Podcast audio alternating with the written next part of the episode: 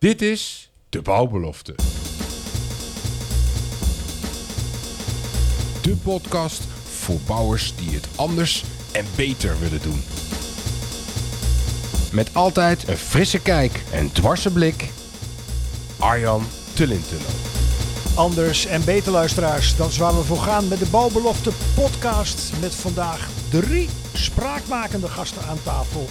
Ik verwelkom Johan Riesebos, fijn dat je er bent. Directeur van Terstegen Advies en Innovatie.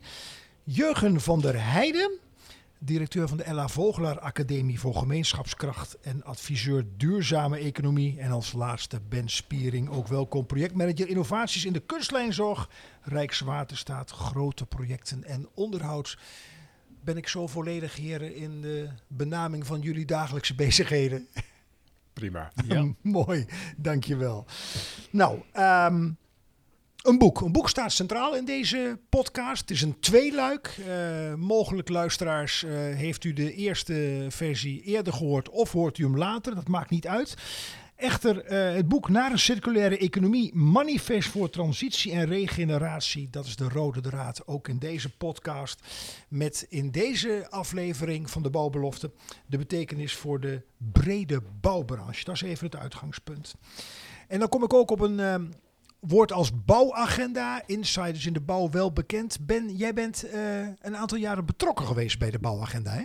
Dat uh, klopt. Ik, was, uh, ik ben uitgeleend geweest door Rijkswaterstaat aan Bernard Wientjes om daar de eerste directeur te zijn. Uh, dus ik heb daar vanaf eind twee, 2016, 2017, stuk in 2018 aan mogen werken. En um, ja, daar zijn heel veel van die doelstellingen dat het anders moet. en dat het, het klimaatakkoord was natuurlijk, of tenminste klimaatakkoord, dat, dat, was, dat moest nog komen. Maar uh, het kop in Parijs, dus de klimaatconferentie in Parijs 2015, had natuurlijk al een behoorlijke impact. En dat was in 2016, was dat wel te merken. Dat moest eigenlijk ook vertaald worden naar wat betekent dat voor de hele powersector. Wonen, utiliteit en infra. En wij realiseerden ons ook wel dat het wel zo'n enorme opgave is dat je niet in vier jaar tijd, want dat was zo'n beetje de, de, de tijdlijn voor die agenda, dat je niet in vier jaar uh, kunt opschalen naar het niveau wat nodig is om de doelstellingen van Parijs te halen. Maar we hebben wel een programma geformuleerd en ook aan de politiek uh, overhandigd Waarbij uh, duidelijk gemaakt is, ook met berekeningen, wat je zou moeten doen om binnen vier jaar op een niveau te komen. Dat je daarna zou kunnen opschalen naar het niveau wat nodig is om Parijs te halen. Dat was eigenlijk uh, de gedachte. En hoor ik dan doorklinken, Ben, als ik het invul, dan reageer gerust. Het was de gedachte dat er nou, minder van groot gekomen is dan je eigenlijk wel uh, dacht in die tijdgeest, 2016, 2018, toen je daar zat? Nou, het was ook wel echt de periode van agenderen. En dat is natuurlijk ook met uh, de enorme tomeloze energie en visie van Bernard Wientjes is dat uh, heel goed gelukt. Die heeft daar langer dan ik, die heeft er vier jaar aangesleurd.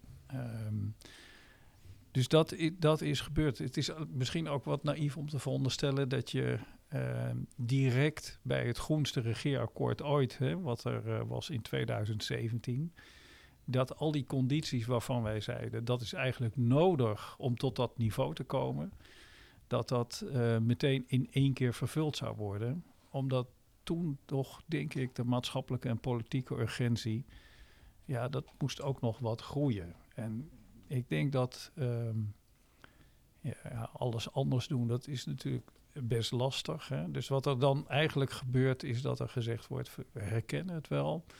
En jullie vragen dit, maar laten we nou eerst dit maar eens doen. Hè? Laten we eerst nou eens een paar stappen zetten en kijk maar eens hoe ver je ermee komt. Nou, dat is natuurlijk niet expliciet zo gezegd. Uh, maar, maar, dat is wel vaak wat er gebeurt. Ik denk dat de ambities, als je kijkt naar het recente regeerakkoord, ja, daar is, dat is een hele andere toon. En ook wat condities betreft dan het regeerakkoord in 2017. Maatschappij heeft ook tijd nodig om van ambities naar programma's te komen. Dat is een mooie. Van ambities naar programma's. We gaan zo meteen de koppeling maken, Johan, naar uh, jouw uh, werkveld, jouw dagelijkse bezigheden. Um, Jurgen, wat, wat, wat ben nu schetst, hè? want je bent ook adviseur duurzame economie. Uh, even voor de luisteraars, wat, wat, wat, wat houdt dat in, adviseur duurzame economie? Nou, mijn definitie van duurzaamheid is dat je een enkel middel inzet voor meer doelen. En uh, daar kun je natuurlijk in de bouwwereld verschrikkelijk veel uh, mee, mee, doen. Dus een, voorbeeld wat ik wel eens vaker noem, en laat ik het hier ook even noemen omdat we in Zwolle zitten vandaag, is, bij de wijk Stadshagen is een geluidsval, maar dat is eigenlijk ook een nooddijk. En als bouwwerk is het natuurlijk heel interessant, want je betaalt één keer en je krijgt twee resultaten. En uh, ik denk dat dat een, een, ook een heel mooi voorbeeld is van, van, van duurzaamheid en op een bepaalde manier ook van circulariteit. Het is, is, een net iets andere benadering van circulariteit. Maar circulariteit is ook één middel twee keer of vaker inzetten. Um, en hier integreer je eigenlijk twee, twee functies in, in, in één bouwwerk. Mooi, mooi voorbeeld. Ja. Een middel wat je in kunt zetten voor meerdere doelen. Juist. Ja, ja. Die definitie had ik nog niet eerder gehoord. Wat, wat roept die bij jou op, uh, Johan? Nou, inderdaad, het voorbeeld is heel helder wat, uh, wat ik hoor hier. En, um, een manier om te kijken naar hoe je ook met minder middelen, hè, want als je dit um, uh, door middel van twee oplossingen zou doen, de, de geluidswal en de nooddijk, dan betekent het ook dat je veel meer grondstoffen gebruikt, om maar eens wat te noemen. En um, ja, voor mij is de koppeling met uh, circulariteit dan ook een hele belangrijke. Zorgen dat je. Uh, um, refuse is een van de belangrijkste dingen die we meestal vergeten in de, in de groep van de 10 R'en. Want ja, refuse, dat, helemaal niks doen, dat is toch wel. Nee, probeer nou eens om. Om niet te bouwen, om maar eens wat te noemen. Hè, dat, zeg ik dan vanuit de bouw. maar probeer nou eens om niet te bouwen. Ja, even, even, als dat mag, Johan, één stapje terug voor de luisteraars die het niet kennen. De 10 R'en, waar, waar, waar, waar moeten we aan denken? Ja, dat, daar gaat het over, uh, dat is gewoon één van de, van de lijstjes. Hè. Je, hebt, je hebt de ladder van Lansing, je hebt, je hebt allerlei manieren om, om te kunnen aangeven hoe mm -hmm. je um, naar, naar meer of minder duurzaam kijkt. In, in dit geval uh, gaat het dan om die 10 R'en. Daar zit uh, refuse, reuse, repair, uh, nou, daar hebben we een beeld. En, enzovoort. Ja. en uiteindelijk recycle en daaronder dan nog reclaim. Als, je, als je het verbrandt, haal je er tenminste nog energie uit. Ja. Maar dat laatste gaan we gewoon helemaal niet doen. Het, het, het, blijft, we moeten streven naar refuse. En, en, en refuse in, in, in, in, in, in, is er in een paar woorden in het Nederlands te, te, te vatten? Ja, weiger om datgene te doen wat niet echt noodzakelijk is. En, en ik, ik zeg het heel bewust met weigeren. Refuse is, is iets minder hard. In feite, de Engelse uh, connotatie is iets minder hard. Maar het is e eigenlijk echt weiger nou om uh, dingen te doen die niet per se moeten. Als je een gebouw niet per se hoeft te slopen, hergebruik het dan. De constructie is nog goed, waarom zou je het dan slopen? Dat, dat, nou ja, dat je hebt me wel eens vaker over gehoord, maar dat, dat vind ik echt uh, wezenlijke dingen. En nou, op die manier kijken betekent ook dat je uh, anders gaat kijken naar hergebruik van materialen. Als, als, als je dan demonteert, ik, gebruik de term slopen liever niet, maar als je dan demonteert, probeer het dan zo te doen dat je ook onderdelen weer kunt hergebruiken. Ja. En ik vind, het, ik vind, het, dus helemaal mooi als je dat gezamenlijk ja. uh, kunt doen. Hè? Dat je dus kunt zeggen van nou, als we dat nou op die manier doen, dan integreren we ook nog functies. Ik ben het helemaal met je eens, Johan. Dit ja. is echt de toekomst. Dat mo moet ook echt. Hè. Het is ook wel uh, niet om het te ontzenuwen of zo, maar ik, ik, ken wel een voorbeeld. Gelukkig is het alweer enige tijd uh, geleden. Uh, waaruit blijkt hoe moeilijk het voor onze sector is om dit ook in de praktijk te brengen. Want ja. Uh, in onze sector wordt natuurlijk toch al heel lang gesproken over uh, uh, nou ja, omhoog in de waardeketen en meer toegevoegde waarde voor de klant bieden, begrijpen ja. wat de klant wil, lange termijn relaties opbouwen. Nou, ik heb, ik ken een, een, directeur, helaas leeft hij niet meer, maar werkte bij een zeer grote bouwer en was daar een van de directeuren utiliteit. toen een klant naar hem kwam en zei, kan je voor mij twee loodsen bouwen? Toen zei hij, nou, ik ga eerst een weekje bij je kijken. Ik zal eens kijken hoe je, hoe je proces in elkaar zit. Dat heeft hij gedaan. Vervolgens zei hij tegen die klant, nou, volgens mij heb je geen twee loodsen nodig als jij je proces op deze manier gaat optimaliseren of als je de ruimte anders gaat indelen en dergelijke. Misschien één, maar misschien zelfs niet één. Nou, dat heeft natuurlijk een, een geweldige lange termijn relatie opgeleverd. Maar dezezelfde directeur, die kreeg op kerstavond kreeg hij een brief van zijn superieuren dat hij het volgend jaar niet meer terug hoeft te, te komen. Want voor, eh, de, voor deze bouwer ging die, eh, zeg maar die hele trend van lange termijn relatie, klantrelatie, waarde, ging toch eigenlijk meer eh, om het creëren van omzetzekerheid. En die krijg je niet als je tegen een klant zegt dat die twee loodsen niet nodig zijn. Dus, dus het, het motto van deze podcast zou wel kunnen zijn: durf niet te bouwen. Ja, je, je moet natuurlijk dan wel op een andere manier je- geld verdienen. Hè? Dus stel dat je, dat- dat, je dan tegelijkertijd kunt zeggen... we gaan niet bouwen, maar we gaan misschien dat je wel een tienjarig contract... voor het beheer kunt afsluiten, ik noem maar wat. Ik denk dat die klant ehm, eh, jou dat zal wel toevertrouwen... als jij met een advies bent gekomen om niet te bouwen... Wat, ja, waarbij eigenlijk wel blijkt dat je heel erg vanuit het belang van die klant denkt. Maar nogmaals, de cultuur in onze sector, eh, en zeker bij de werkmaatschappijen, eh, wat dieper in de keten, die is niet altijd nog zo ver, is mijn inschatting. Maar, Nou, en, en wat denk ik belangrijk is, Arjan, om eventjes eh, erbij te noemen, is dat ik niet stopte met weiger te bouwen. Ik zeg weiger te bouwen wat niet nodig is.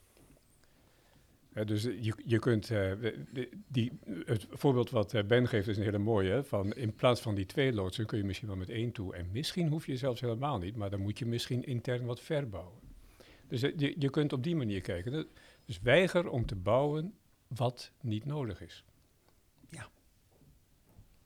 Ja, die laat ik even landen, want ik, koppel hem ook wat breder. Dan hebben we het over betekenis. De leiding van een organisatie kan willen, maar eh, de mensen moeten, het ook, moeten er ook klaar voor zijn. Hè? Je zou misschien wel mogen zeggen in algemene zin, in het licht van eh, transformatie, regeneratie, weiger te doen wat niet nodig is. Ja. Klinkt wat utopisch, maar dan zouden we een heleboel, ik zie je lachen Jurgen, Nou, ik, ik moet ook wel even aan de, aan de lo- loodsen denken. Eh, Ja. ehm, dus ik, ik ken letterlijk voorbeelden waar dus twee loodsen eh, verschenen en vervolgens ter grootte van de daken van die twee loodsen, naast die twee loodsen, twee zonneweiders. en, eh, en, en gewoon ingegeven door, door ja, een beetje kortzichtige economische eh, overwegingen dat het goedkoper is om het ernaast te leggen. Althans op de korte termijn, want op een gegeven moment wil iemand daar dan toch weer ook weer loodsen bouwen. Dus, en dan liggen die zonneweiders weer in de weg. Gelukkig zijn er gemeenten die tegenwoordig verplichten om, om, om het op die daken te leggen. Maar er is toch een soort economische druk om dan toch voor die gemakkelijkste oplossing te gaan. Ja, Ja. ja. Nou, en Arjan, ehm, alles weigeren wat niet per se nodig is. eh, we moeten het leven ook wel aangenaam houden verder. Hè? Dus laten, laten we daar ook eh, Nee, Johan, niet, natuurlijk. niet, niet al, te, al te strak in de leer zijn op die manier. Nee, Maar- het- we mogen ook gerust eh, in een podcast als deze wat stellig zijn. Juist om het contrast Precies. ook aan te tonen. Precies. En in het echi, maar als we stil zouden staan bij al onze acties, welke rol je ook hebt in het dagelijkse leven, van hey, waartoe draagt dat bij? dan, dan zou je al een heleboel eh, ruis eraf halen. En vooral onnodige tijdbesteding. Ja. Hè, zonder eh, zwart-wit eh, te denken. Maar het is, Ja. het is wel mooie taal die je bezigt. Ehm, ja, en, en, en, en als je dan kijkt naar, naar, naar wil. Nee, even terug naar de vraag van jou, Ben. Ehm, als variant daarop. Ehm, eh, en die stel ik aan jullie alle drie. Eh, maar laat ik bij jou beginnen, Johan, omdat je dagelijks eh, in, de, in de bouw zit. Kan de bouw de crisis aan? Ja, dat ligt eraan welke crisis je nu bedoelt. Maar kijk, als het gaat om oplossingen voor ehm, klimaatproblemen eh, en wat de bouw daaraan kan bijdragen, eh, dan denk ik dat daar best hele mooie initiatieven zijn die ook de moeite waard zijn om verder te exploreren en, en om ook te kijken naar hoe je daarmee ehm, kunt opschalen. Ik denk ook dat er ehm, gewoon hele praktische punten zijn die op dit moment ehm, nou een beetje eh, remmen. En dan denk ik bijvoorbeeld aan het feit dat er wel veel uitstroom is uit de bouw, gewoon door ehm, pensionering van, van medewerkers, en dat er maar heel weinig instroom is.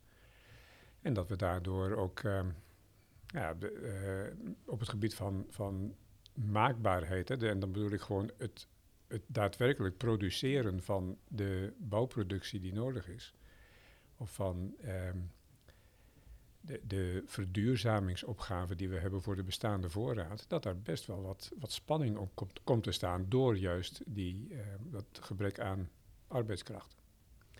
Maar goed, er- er zijn eh, allerlei mogelijkheden om dat op te vangen. Eh, er zijn ook mogelijkheden om ja, wellicht ehm, wat slimmer om te gaan met datgene wat we, wat we wel kunnen. Dus ik, ik denk, ja, de bouw kan de crisis aan. Eh, Er is wel voor een flink deel nog een behoorlijke mentaliteitsverandering nodig. En, waar zit die in dan- volgens jou, die mentaliteitsverandering? Nou, een beetje weg dus van het beeld wat eh, Ben net schetste. Hè, eh, van bovenaf eh, omzet gedreven is toch belangrijker dan ehm, eh, relatiegedreven, waardegedreven.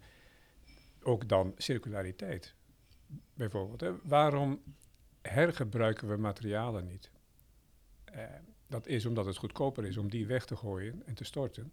Een beetje stortkosten betalen. En eh, nieuwe materialen zijn veel, veel goedkoper dan wanneer je die oude eerst moet opknappen en dan weer ga- gaat gebruiken.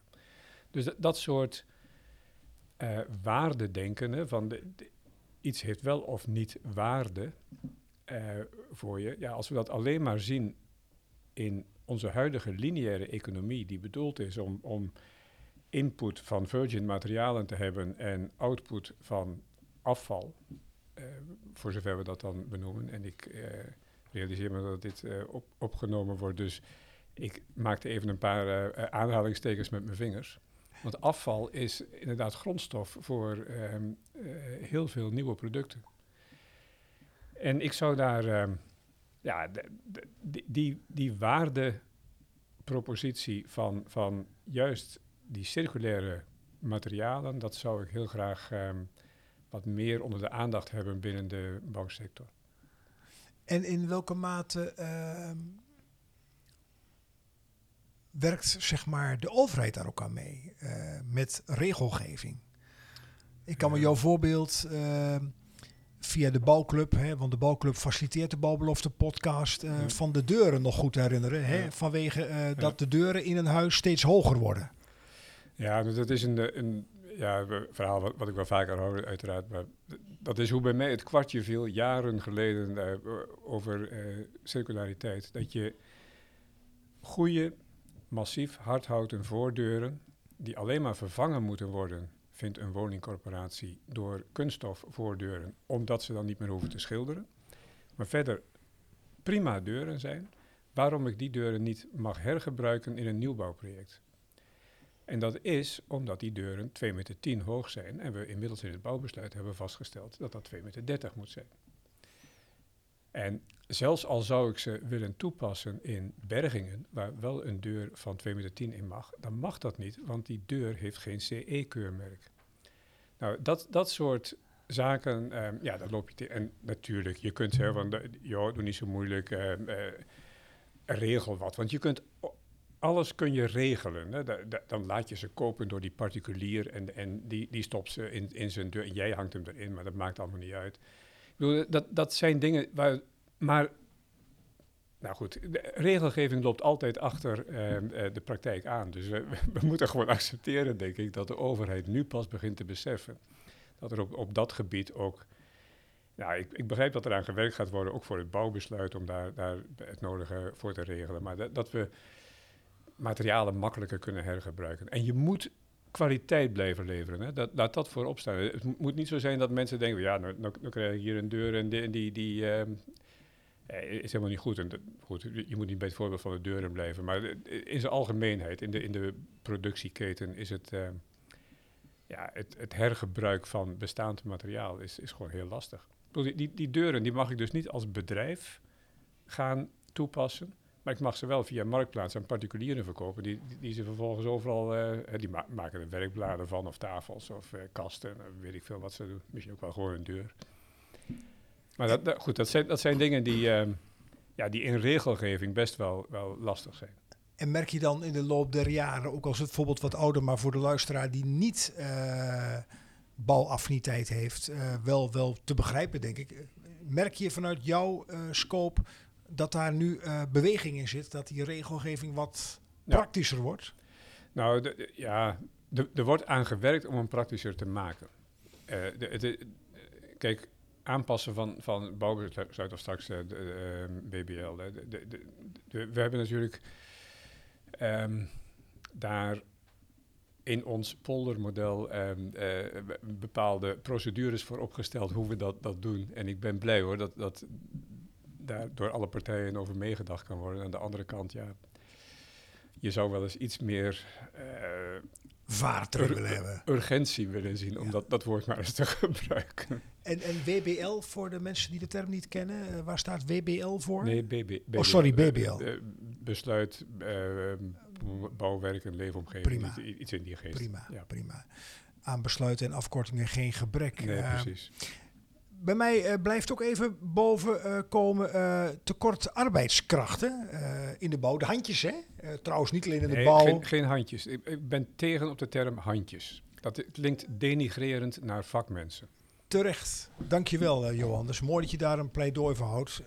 Het tekort aan vakmannen, vakvrouwen, niet alleen in, in, in, in... Grappig, dat woord is zo... ook in de zorg Ja. wordt het gebruikt. Dus terecht dat je daar iets van vindt, Johan. En dat mag ook.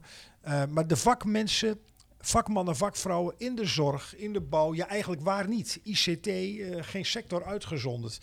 Maar als je kijkt naar de bouw, Jurgen, eh, even door een andere bril kijken. Eh, heb jij zo wat, wat gedachten die eh, dat kunnen kantelen? Dat dat beeld, dat, dat het echt een mooi vak is, want er is het ook. Dat dat de moeite waard is om daarvoor naar school te gaan, ongeacht het niveau, en daarin aan het werk te gaan. Wat, zouden we daarin kunnen doen? Nou, de bouw is denk ik de belangrijkste motor uiteindelijk ook om, om, om te verduurzamen. Want er wordt heel veel in geïnvesteerd. En je hebt dagelijks kansen om, om bouwwerken beter en mooier te maken. En ik denk dat daar eh, een, een grote aantrekkingskracht van, van, van uit kan gaan. Te- tegelijkertijd zie je ook... eh, ehm, ik kon laatst even meekijken bij, bij de gemeente Den Haag... die vrij stevige hoogbouwen neerzet rondom... nou, eigenlijk op heel veel plekken, maar Ja. rondom Hollandspoor onder andere. En, en ik snap het dat ze het doen, hè, want het is gewoon vanwege de woningnood. Maar ja, je bouwt ook wel problemen op weer. Want het is een enorme verstening. En dat, dat krijg je gewoon in zo'n stedelijk gebied. Krijg je dat gewoon uiteindelijk ook wat klimaat betreft en energie betreft, ga je dat bijna niet goed krijgen.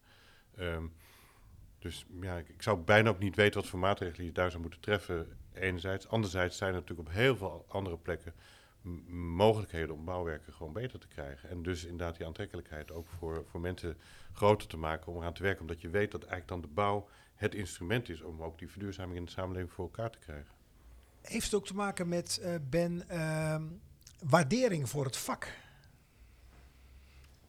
Ja, dat is eh, wel een hele lastige vraag, denk ik. Wel, wel een moeilijke vraag. Ik, ik denk dat er wel heel veel waardering is voor datgene wat eh, de Nederlandse bouwsector fysiek allemaal voor elkaar krijgt. En als je kijkt hoe ehm, hele complexe vraagstukken, dus eh, de postzegel in binnensteden met ingewikkelde logistieke processen en ook eh, het eh, in stand houden van cultureel erfgoed daarbij, omgaan met de omgeving, duurzame logistiek, dat zijn geweldig complexe opgaven.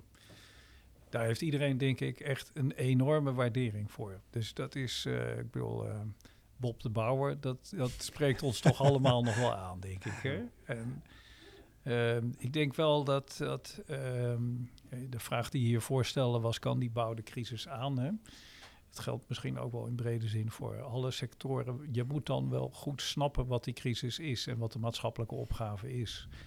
En dat vraagt ook wel weer om een inspanning van het collectief. Het vraagt ook de inspanning van eh, de maatschappij, maar ook de overheid, die dan ehm, eh, goed eh, omschrijft wat er nodig is. Want als je te veel aan commerciële sectoren overlaat, dan komen ze toch vaak met de oplossingen waarvan ze zeggen, nou, dat zijn de oplossingen waar wij goed in zijn. En kunnen ze toevallig ook nog wel geld mee verdienen, is commercieel interessant. En dat is eigenlijk de oplossing voor jouw crisis. Dus ik, daar moet wel een, een, ehm, een evenwicht in zijn. Regelgeving werd ook nog even genoemd. Ik ken voorbeelden die heel goed hebben uitgepakt. Dat kan je ook gewoon zien. Op het moment dat je zegt, eh, je mag je kantoren alleen nog maar verhuren als je minimaal label B hebt. Ja, dat betekent dat, dat die exploitanten die kantoren gaan verbouwen. Want anders hebben ze geen inkomstenstroom meer. Dus het is een, eh, een breed, complex vraagstuk. Dat er, als we dat met z'n allen goed doen en we rekening houden met eh, ja, ook wat die bouw kan bijdragen en wat het zeg maar, transformatietempo is. Hè, want die, ehm, ja, die complexe vraagstukken die vragen wel om eh, slimme, slimme mensen, niet alleen de handjes, maar inderdaad ook de breinen, die zijn, worden steeds belangrijker. Ook voor duurzame bouwlogistiek. Je gaat heel anders toch naar die processen kijken. Uh, en de, de jonge generatie, uh, nou toch alweer enige tijd, die hebben dat ook allemaal in hun uh, rugzak. Die weten wat parametrisch ontwerp is. En die, nou, die, die, die kunnen complexe vraagstukken aan. En die kunnen dat met de nieuwste technieken en methodieken aan. Dus ik, ik denk uh, dat uh, en uh, het oplossende vermogen van de bouw enorm toeneemt door die jonge generatie de kans te geven. Je ziet het al bij scale-ups en bij st start-ups en scale-ups zie je het al gebeuren. Omdat die gewoon een veel sneller tempo hebben dan de grote bouwbedrijven. maar het is onomkeerbaar. dan zal dat oplossende vermogen toenemen en de waardering zal toenemen.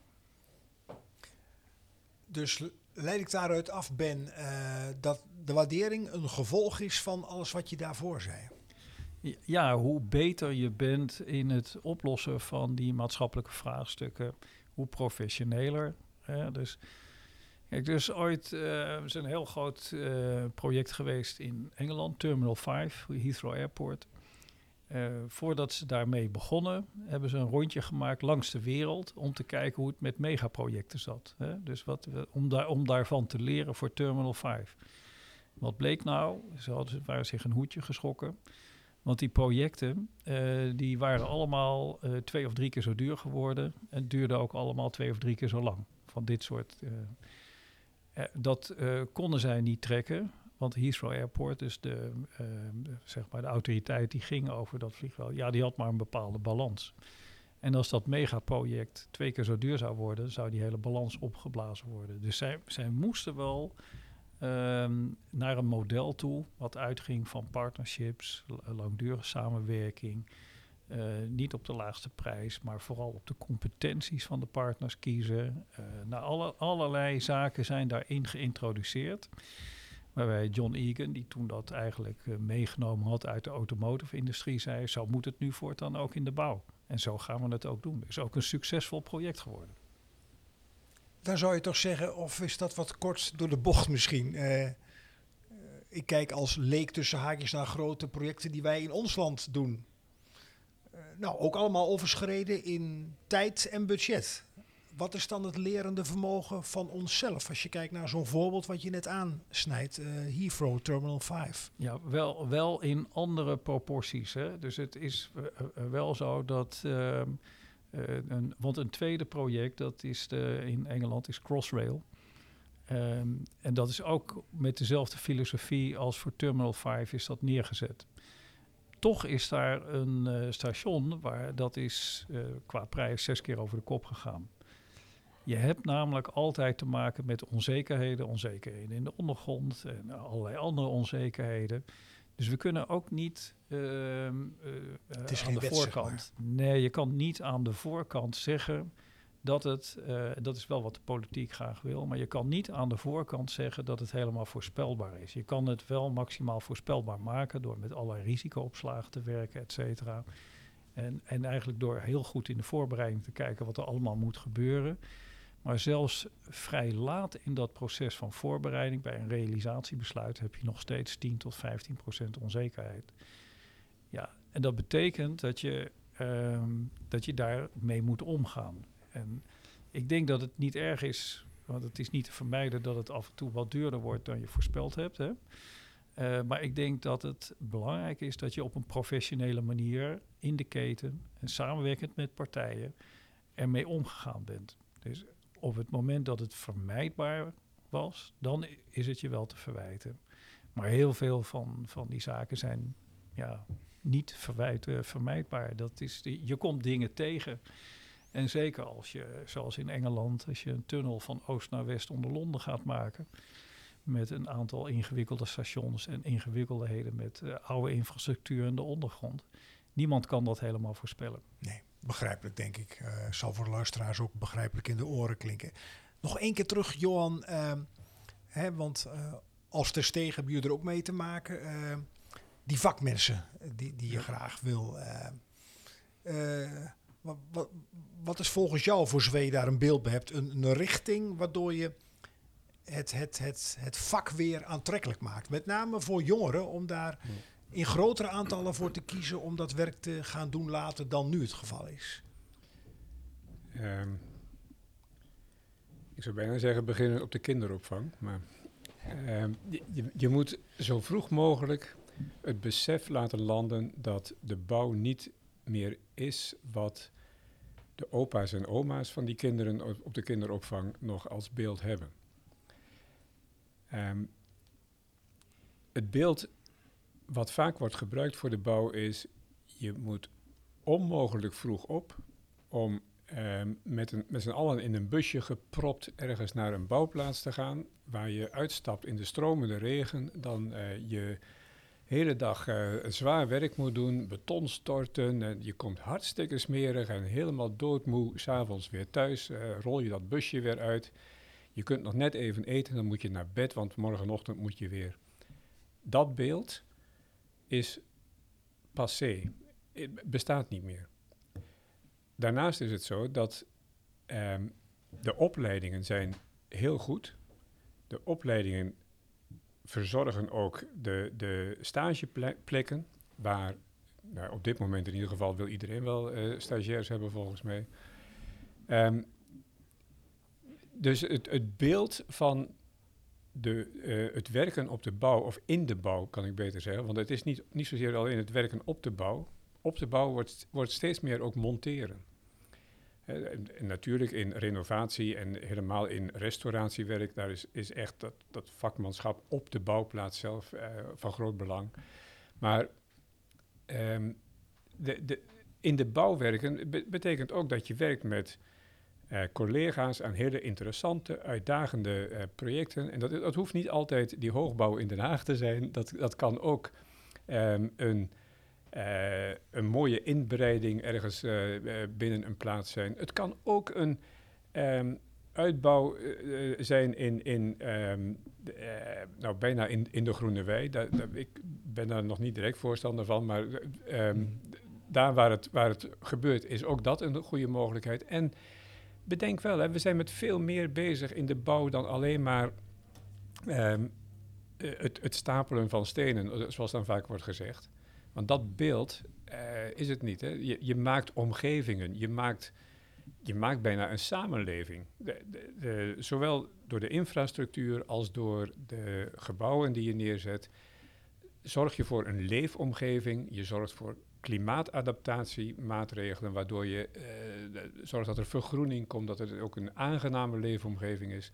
Het is veel meer dan alleen maar eh, ja, wat, wat timmeren en wat metselen, eh, wat dan vaak wordt gezegd.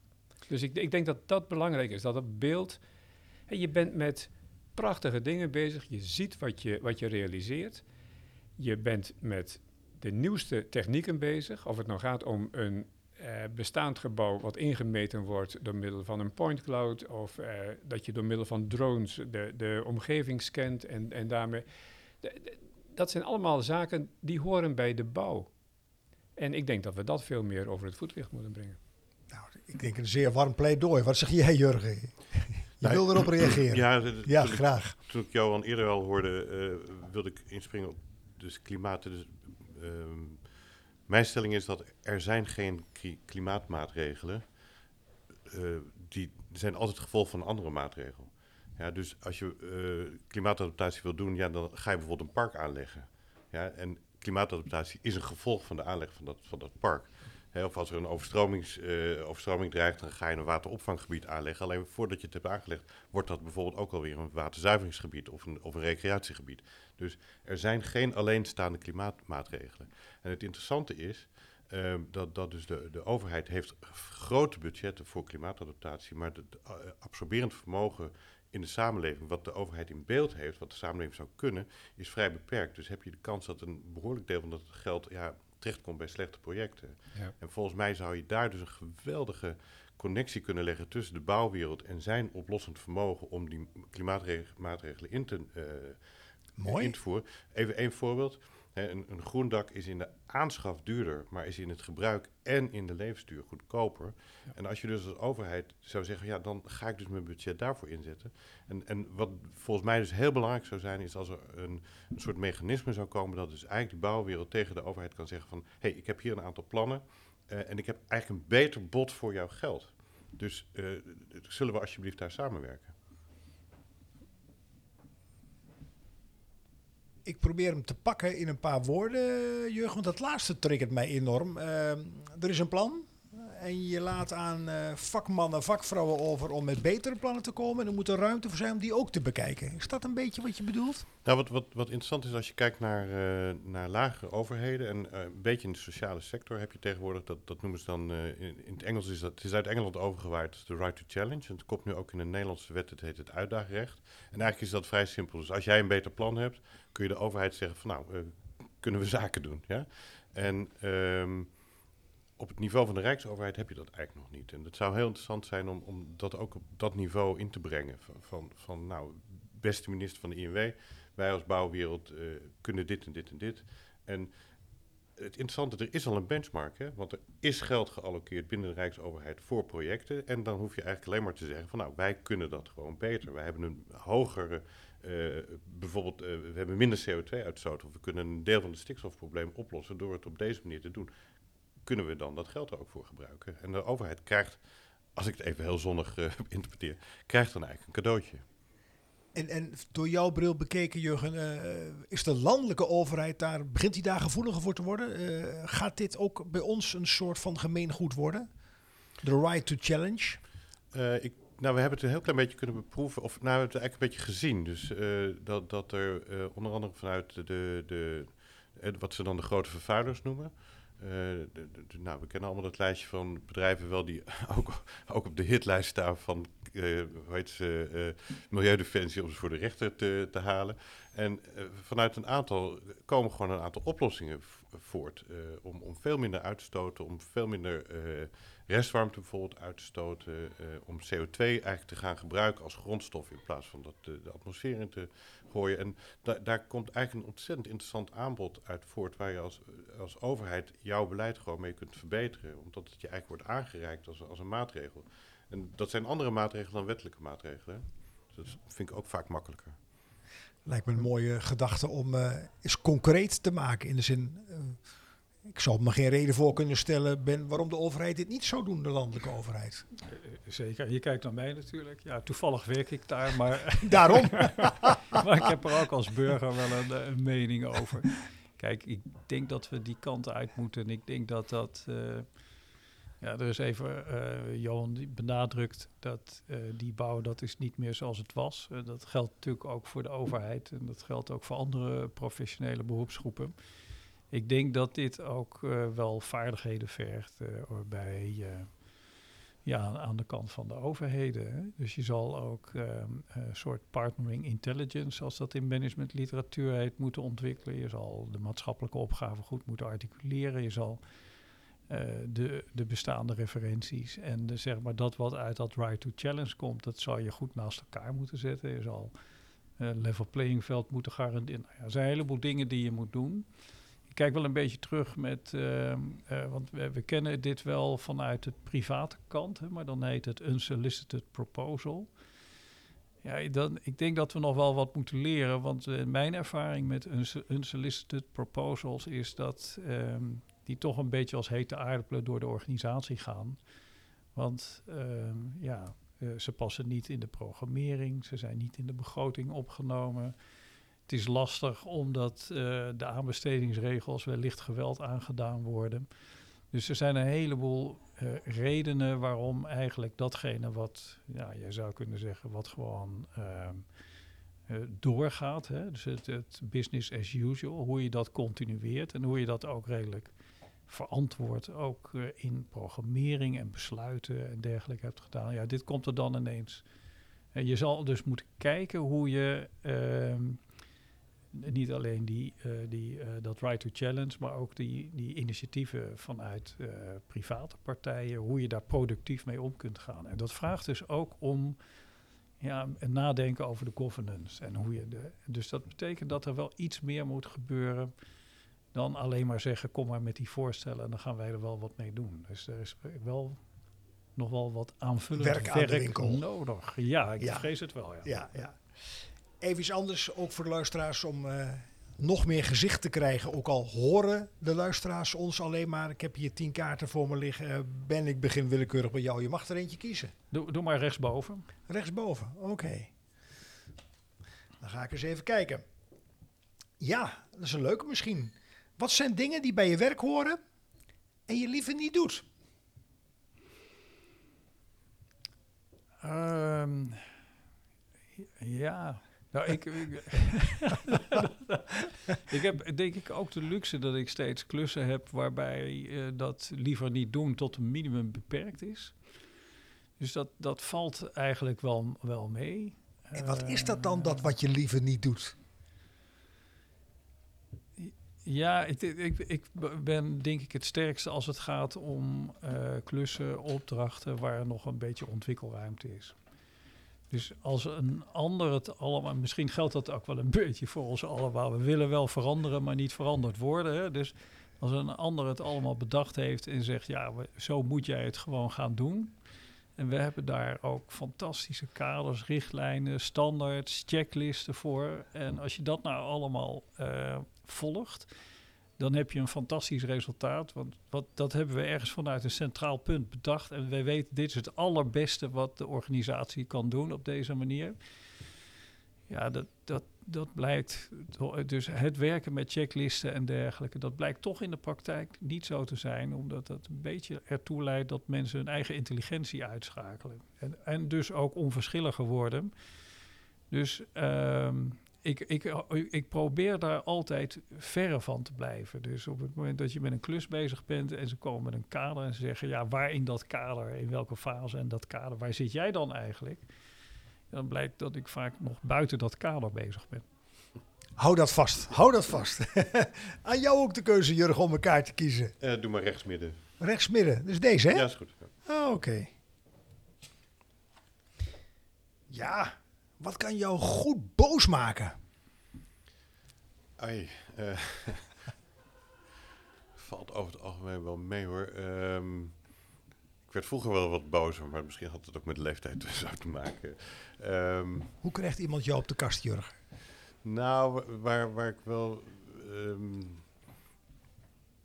eens tegen aanloop zijn mensen die, die vrij sterk een ideologische mening hebben, wa- waardoor ze gewoon een deel van de, van de werkelijkheid niet meer willen zien. Dus ehm, nou, ik kwam vorige week bijvoorbeeld een groepje tegen, die heeft dan van- vanwege redenen die voor hun belangrijk zijn, willen ze eigenlijk niet over de private sector spreken, want dat klopt allemaal niet. Eh, en willen ze bijvoorbeeld in de energietransitie eigenlijk alleen maar denken eh, over eh, burgers en, en, en overheden die het oplossen. En dan merk je dat aan het einde van het gesprek eigenlijk het resultaat is dat iedereen zich afvraagt van ja, maar de oplossing ligt, ligt bij het bedrijfsleven. Niet dat de oplossing daar per se ligt, alleen ze hebben dat door hun beetje e- e- eenzijdige benadering hebben ze dat uitgelokt. En, eh, en dan ma- mag je daar eigenlijk wat hun betreft ook weer niet over praten. Dus dan vanuit een soort ideologie sluiten ze zich af voor, voor een deel van de werkelijkheid. Ja, da- dan verlies ik mijn geduld. Nou, dat hoor ik ook goed doorklinken in de laatste woorden die je uitspreekt, eh, Jurgen. Mooi. En jij, eh, Johan, welke kaart kies jij? Ja, er is nog geen kaart uit de linkerkant gekozen, dus eh doe maar linksonder. Linksonder. Die pakken we er even bij. Wat is, Johan, het meest vormende in je leven? Het meest vormende in mijn leven. Ja, Poeh, dat is een hele fi- filosofische eh, vraag. dat is ook het geloof leuke ik. aan deze kaarten. Ja. Ehm, nou, ik heb ehm, een hele fijne jeugd gehad. Ehm, waarbij ik altijd verantwoordelijkheden kreeg en, en, eh, en fouten mocht maken. Ehm, vervolgens heb ik ehm, de kans gekregen om te, te gaan studeren. Ehm, naar Delft geweest en ik, eh, ik heb mijn vrouw ontmoet, waar ik inmiddels ruim 38 jaar mee getrouwd ben. eh, vier kinderen mee gekregen. Ik heb een, een hele... Dat, dat alles vormt je. En, en ehm, ja, en, en ook, ook uiteraard eh, mijn werkende leven. Maar wat, wat ik noem, vind ik belangrijker dan mijn werkende leven. Mooi, mooi. Ja. En dat mag ook gerust een beetje filosofisch zijn, eh, Johan. Ja, en, en, en wat ik ook eh, jou hoor zeggen, ehm, even terug naar de, de, de, de uitdagingen waar we voor staan, dat je fouten mocht maken, hè? dat hoor ik je zeggen. Ja. Ehm, als ik nu met, met de nieuwe generatie eh, medewerkers praat die nu nog op school zitten of net eh, zijn begonnen met werken, vooral die laatste categorie, eh, tussen de 50 en de 30, dat mij opvalt vanuit andere werkzaamheden, dat ze het gevoel hebben dat ze geen fouten mogen maken, want dan worden ze afgerekend in de functionerings- en beoordelingscyclus, zoals iemand mij letterlijk toevertrouwde. Terwijl jij zo mooi zei, Ben, eh, buiten de lijnen kleuren, buiten de kaders, ja. Toen keek, eh, dan denk ik even terug aan mijn eigen tijd toen ik 25, 30 was. Ja, ik deed, zonder dat ik dat bewust was, ik deed niet anders. Ik had een motto van, joh, als het niet kan, dan eh, roept mijn baas me wel bij zich. Hè? En, en is dat een beleving van mijn kant uit? Getriggerd door de mooie woorden van Johan? Of zitten we in een, in een risicomijdende cultuur, samenleving, waarbij ook jongeren erg binnen de lijnen kleuren, lijkt het wel? Ik, weet- ik weet het niet. Ik vind het wel meevallen. Ik denk dat, Mooi. ehm, dat er ook binnen de lijnen heel veel ruimte is trouwens. dus dat je het, het, het- maar het gaat er gewoon om dat je, je je je eigen oordeel en je eigen intelligentie niet uitschakelt. Je verantwoordelijkheid neemt, die professionaliteit ook echt daadwerkelijk invulling geeft. En als je dat ook duidelijk kan maken, dan word je daar niet op afgerekend. Ik denk dat eerlijk gezegd dat ehm, je er eerder op afgerekend zou moeten worden. Als je zegt, ik heb alles precies gedaan volgens de kaders en de checklist en dit en dat, maar het resultaat is waardeloos. En, maar ja, goed, ik heb precies gedaan wat jullie wilden. Ja, dat is niet het goede eh, wat, je, wat je wil. En ik denk dat die nieuwe generatie heel goed snapt dat dat, eh, dat, dat eh, gewoon op je eigen professionaliteit varen. Want je hebt zo ontzettend veel meegekregen in al die nieuwe opleidingen. Ja, ik denk dat die nieuwe generatie dat snapt. En eh, ja, dan moeten we dan die strijd maar aangaan. Want eh, zo, zo, het, moet wel, het moet wel deze kant op. Nou, dat is een hoopgevende gedachte. eh. Ja, en, en, en werken aan verantwoording achteraf in plaats van goedkeuring vragen vooraf. Oei, dan kom je op een thema als leiderschap. Daar kunnen we zo nog maar een uur over door eh, filosoferen. Zo is dat.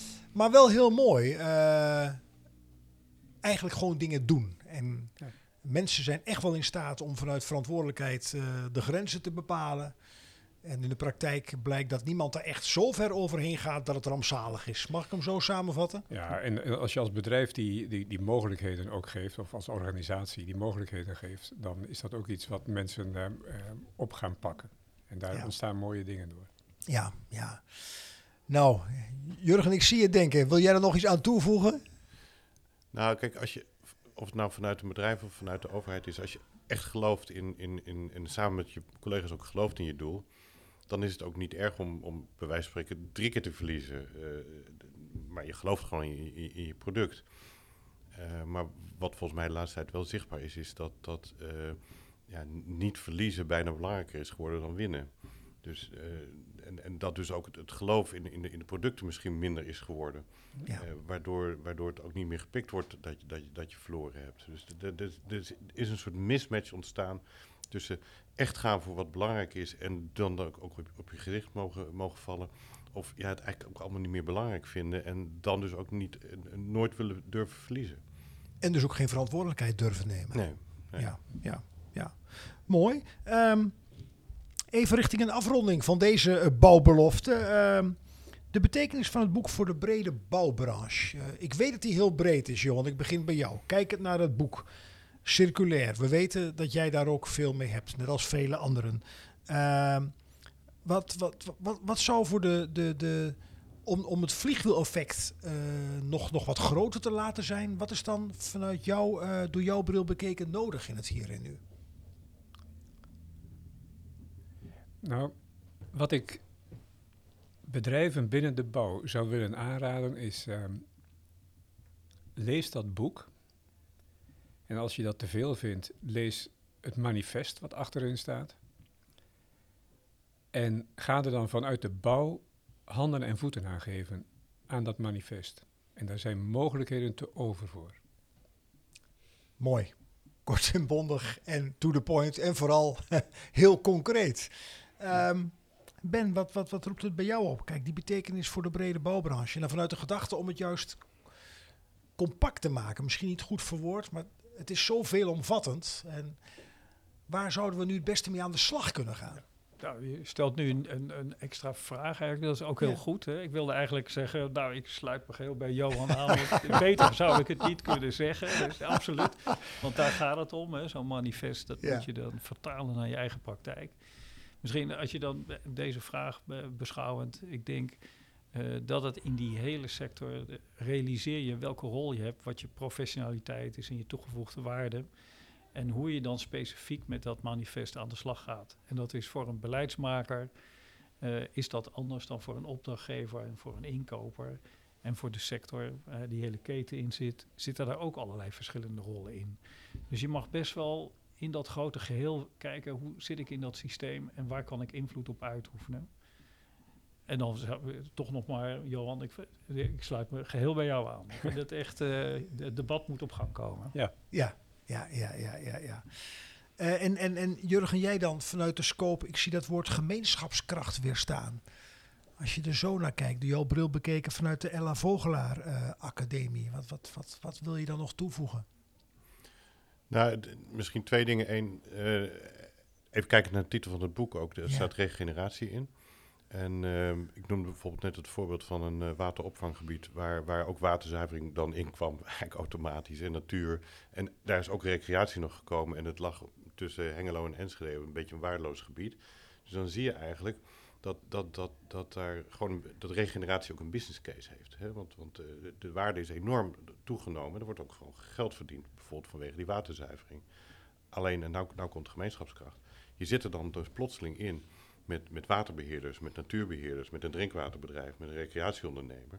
En die zitten ook voor de lange duur in dat gebied. En kunnen elkaar dus beter maken, maar moeten elkaar wel constant tegenkomen. Zo van, haal jij er nog schoon water uit, haal ik er nog goede natuur uit, enzovoort.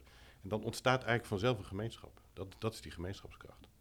Mooi, mooi. Mooie afronding van deze bouwbelofte. Ehm dankjewel eh Jurgen van der Heijden. Eh, fijn dat je er was. Dankjewel eh Ben Spiering ook. En dankjewel Johan Riesebos. Ehm, tot zover deze bouwbelofte in het tweeluik wat als leidende thema heeft het boek Naar een circulaire economie, manifest voor transitie en regeneratie. Ga in ieder geval het essay, sorry, het manifest lezen. Neem me niet kwalijk. Het is een verzameling van essays, Johan. Maar lees het manifest niet alleen als je in de bouwbranche werkt, maar ook als je bij de overheid werkt. En alles wat daar nog meer mee te maken heeft. Nou, dit was hem voor deze keer. Ik sluit af met de woorden tot de volgende bouwbelofte.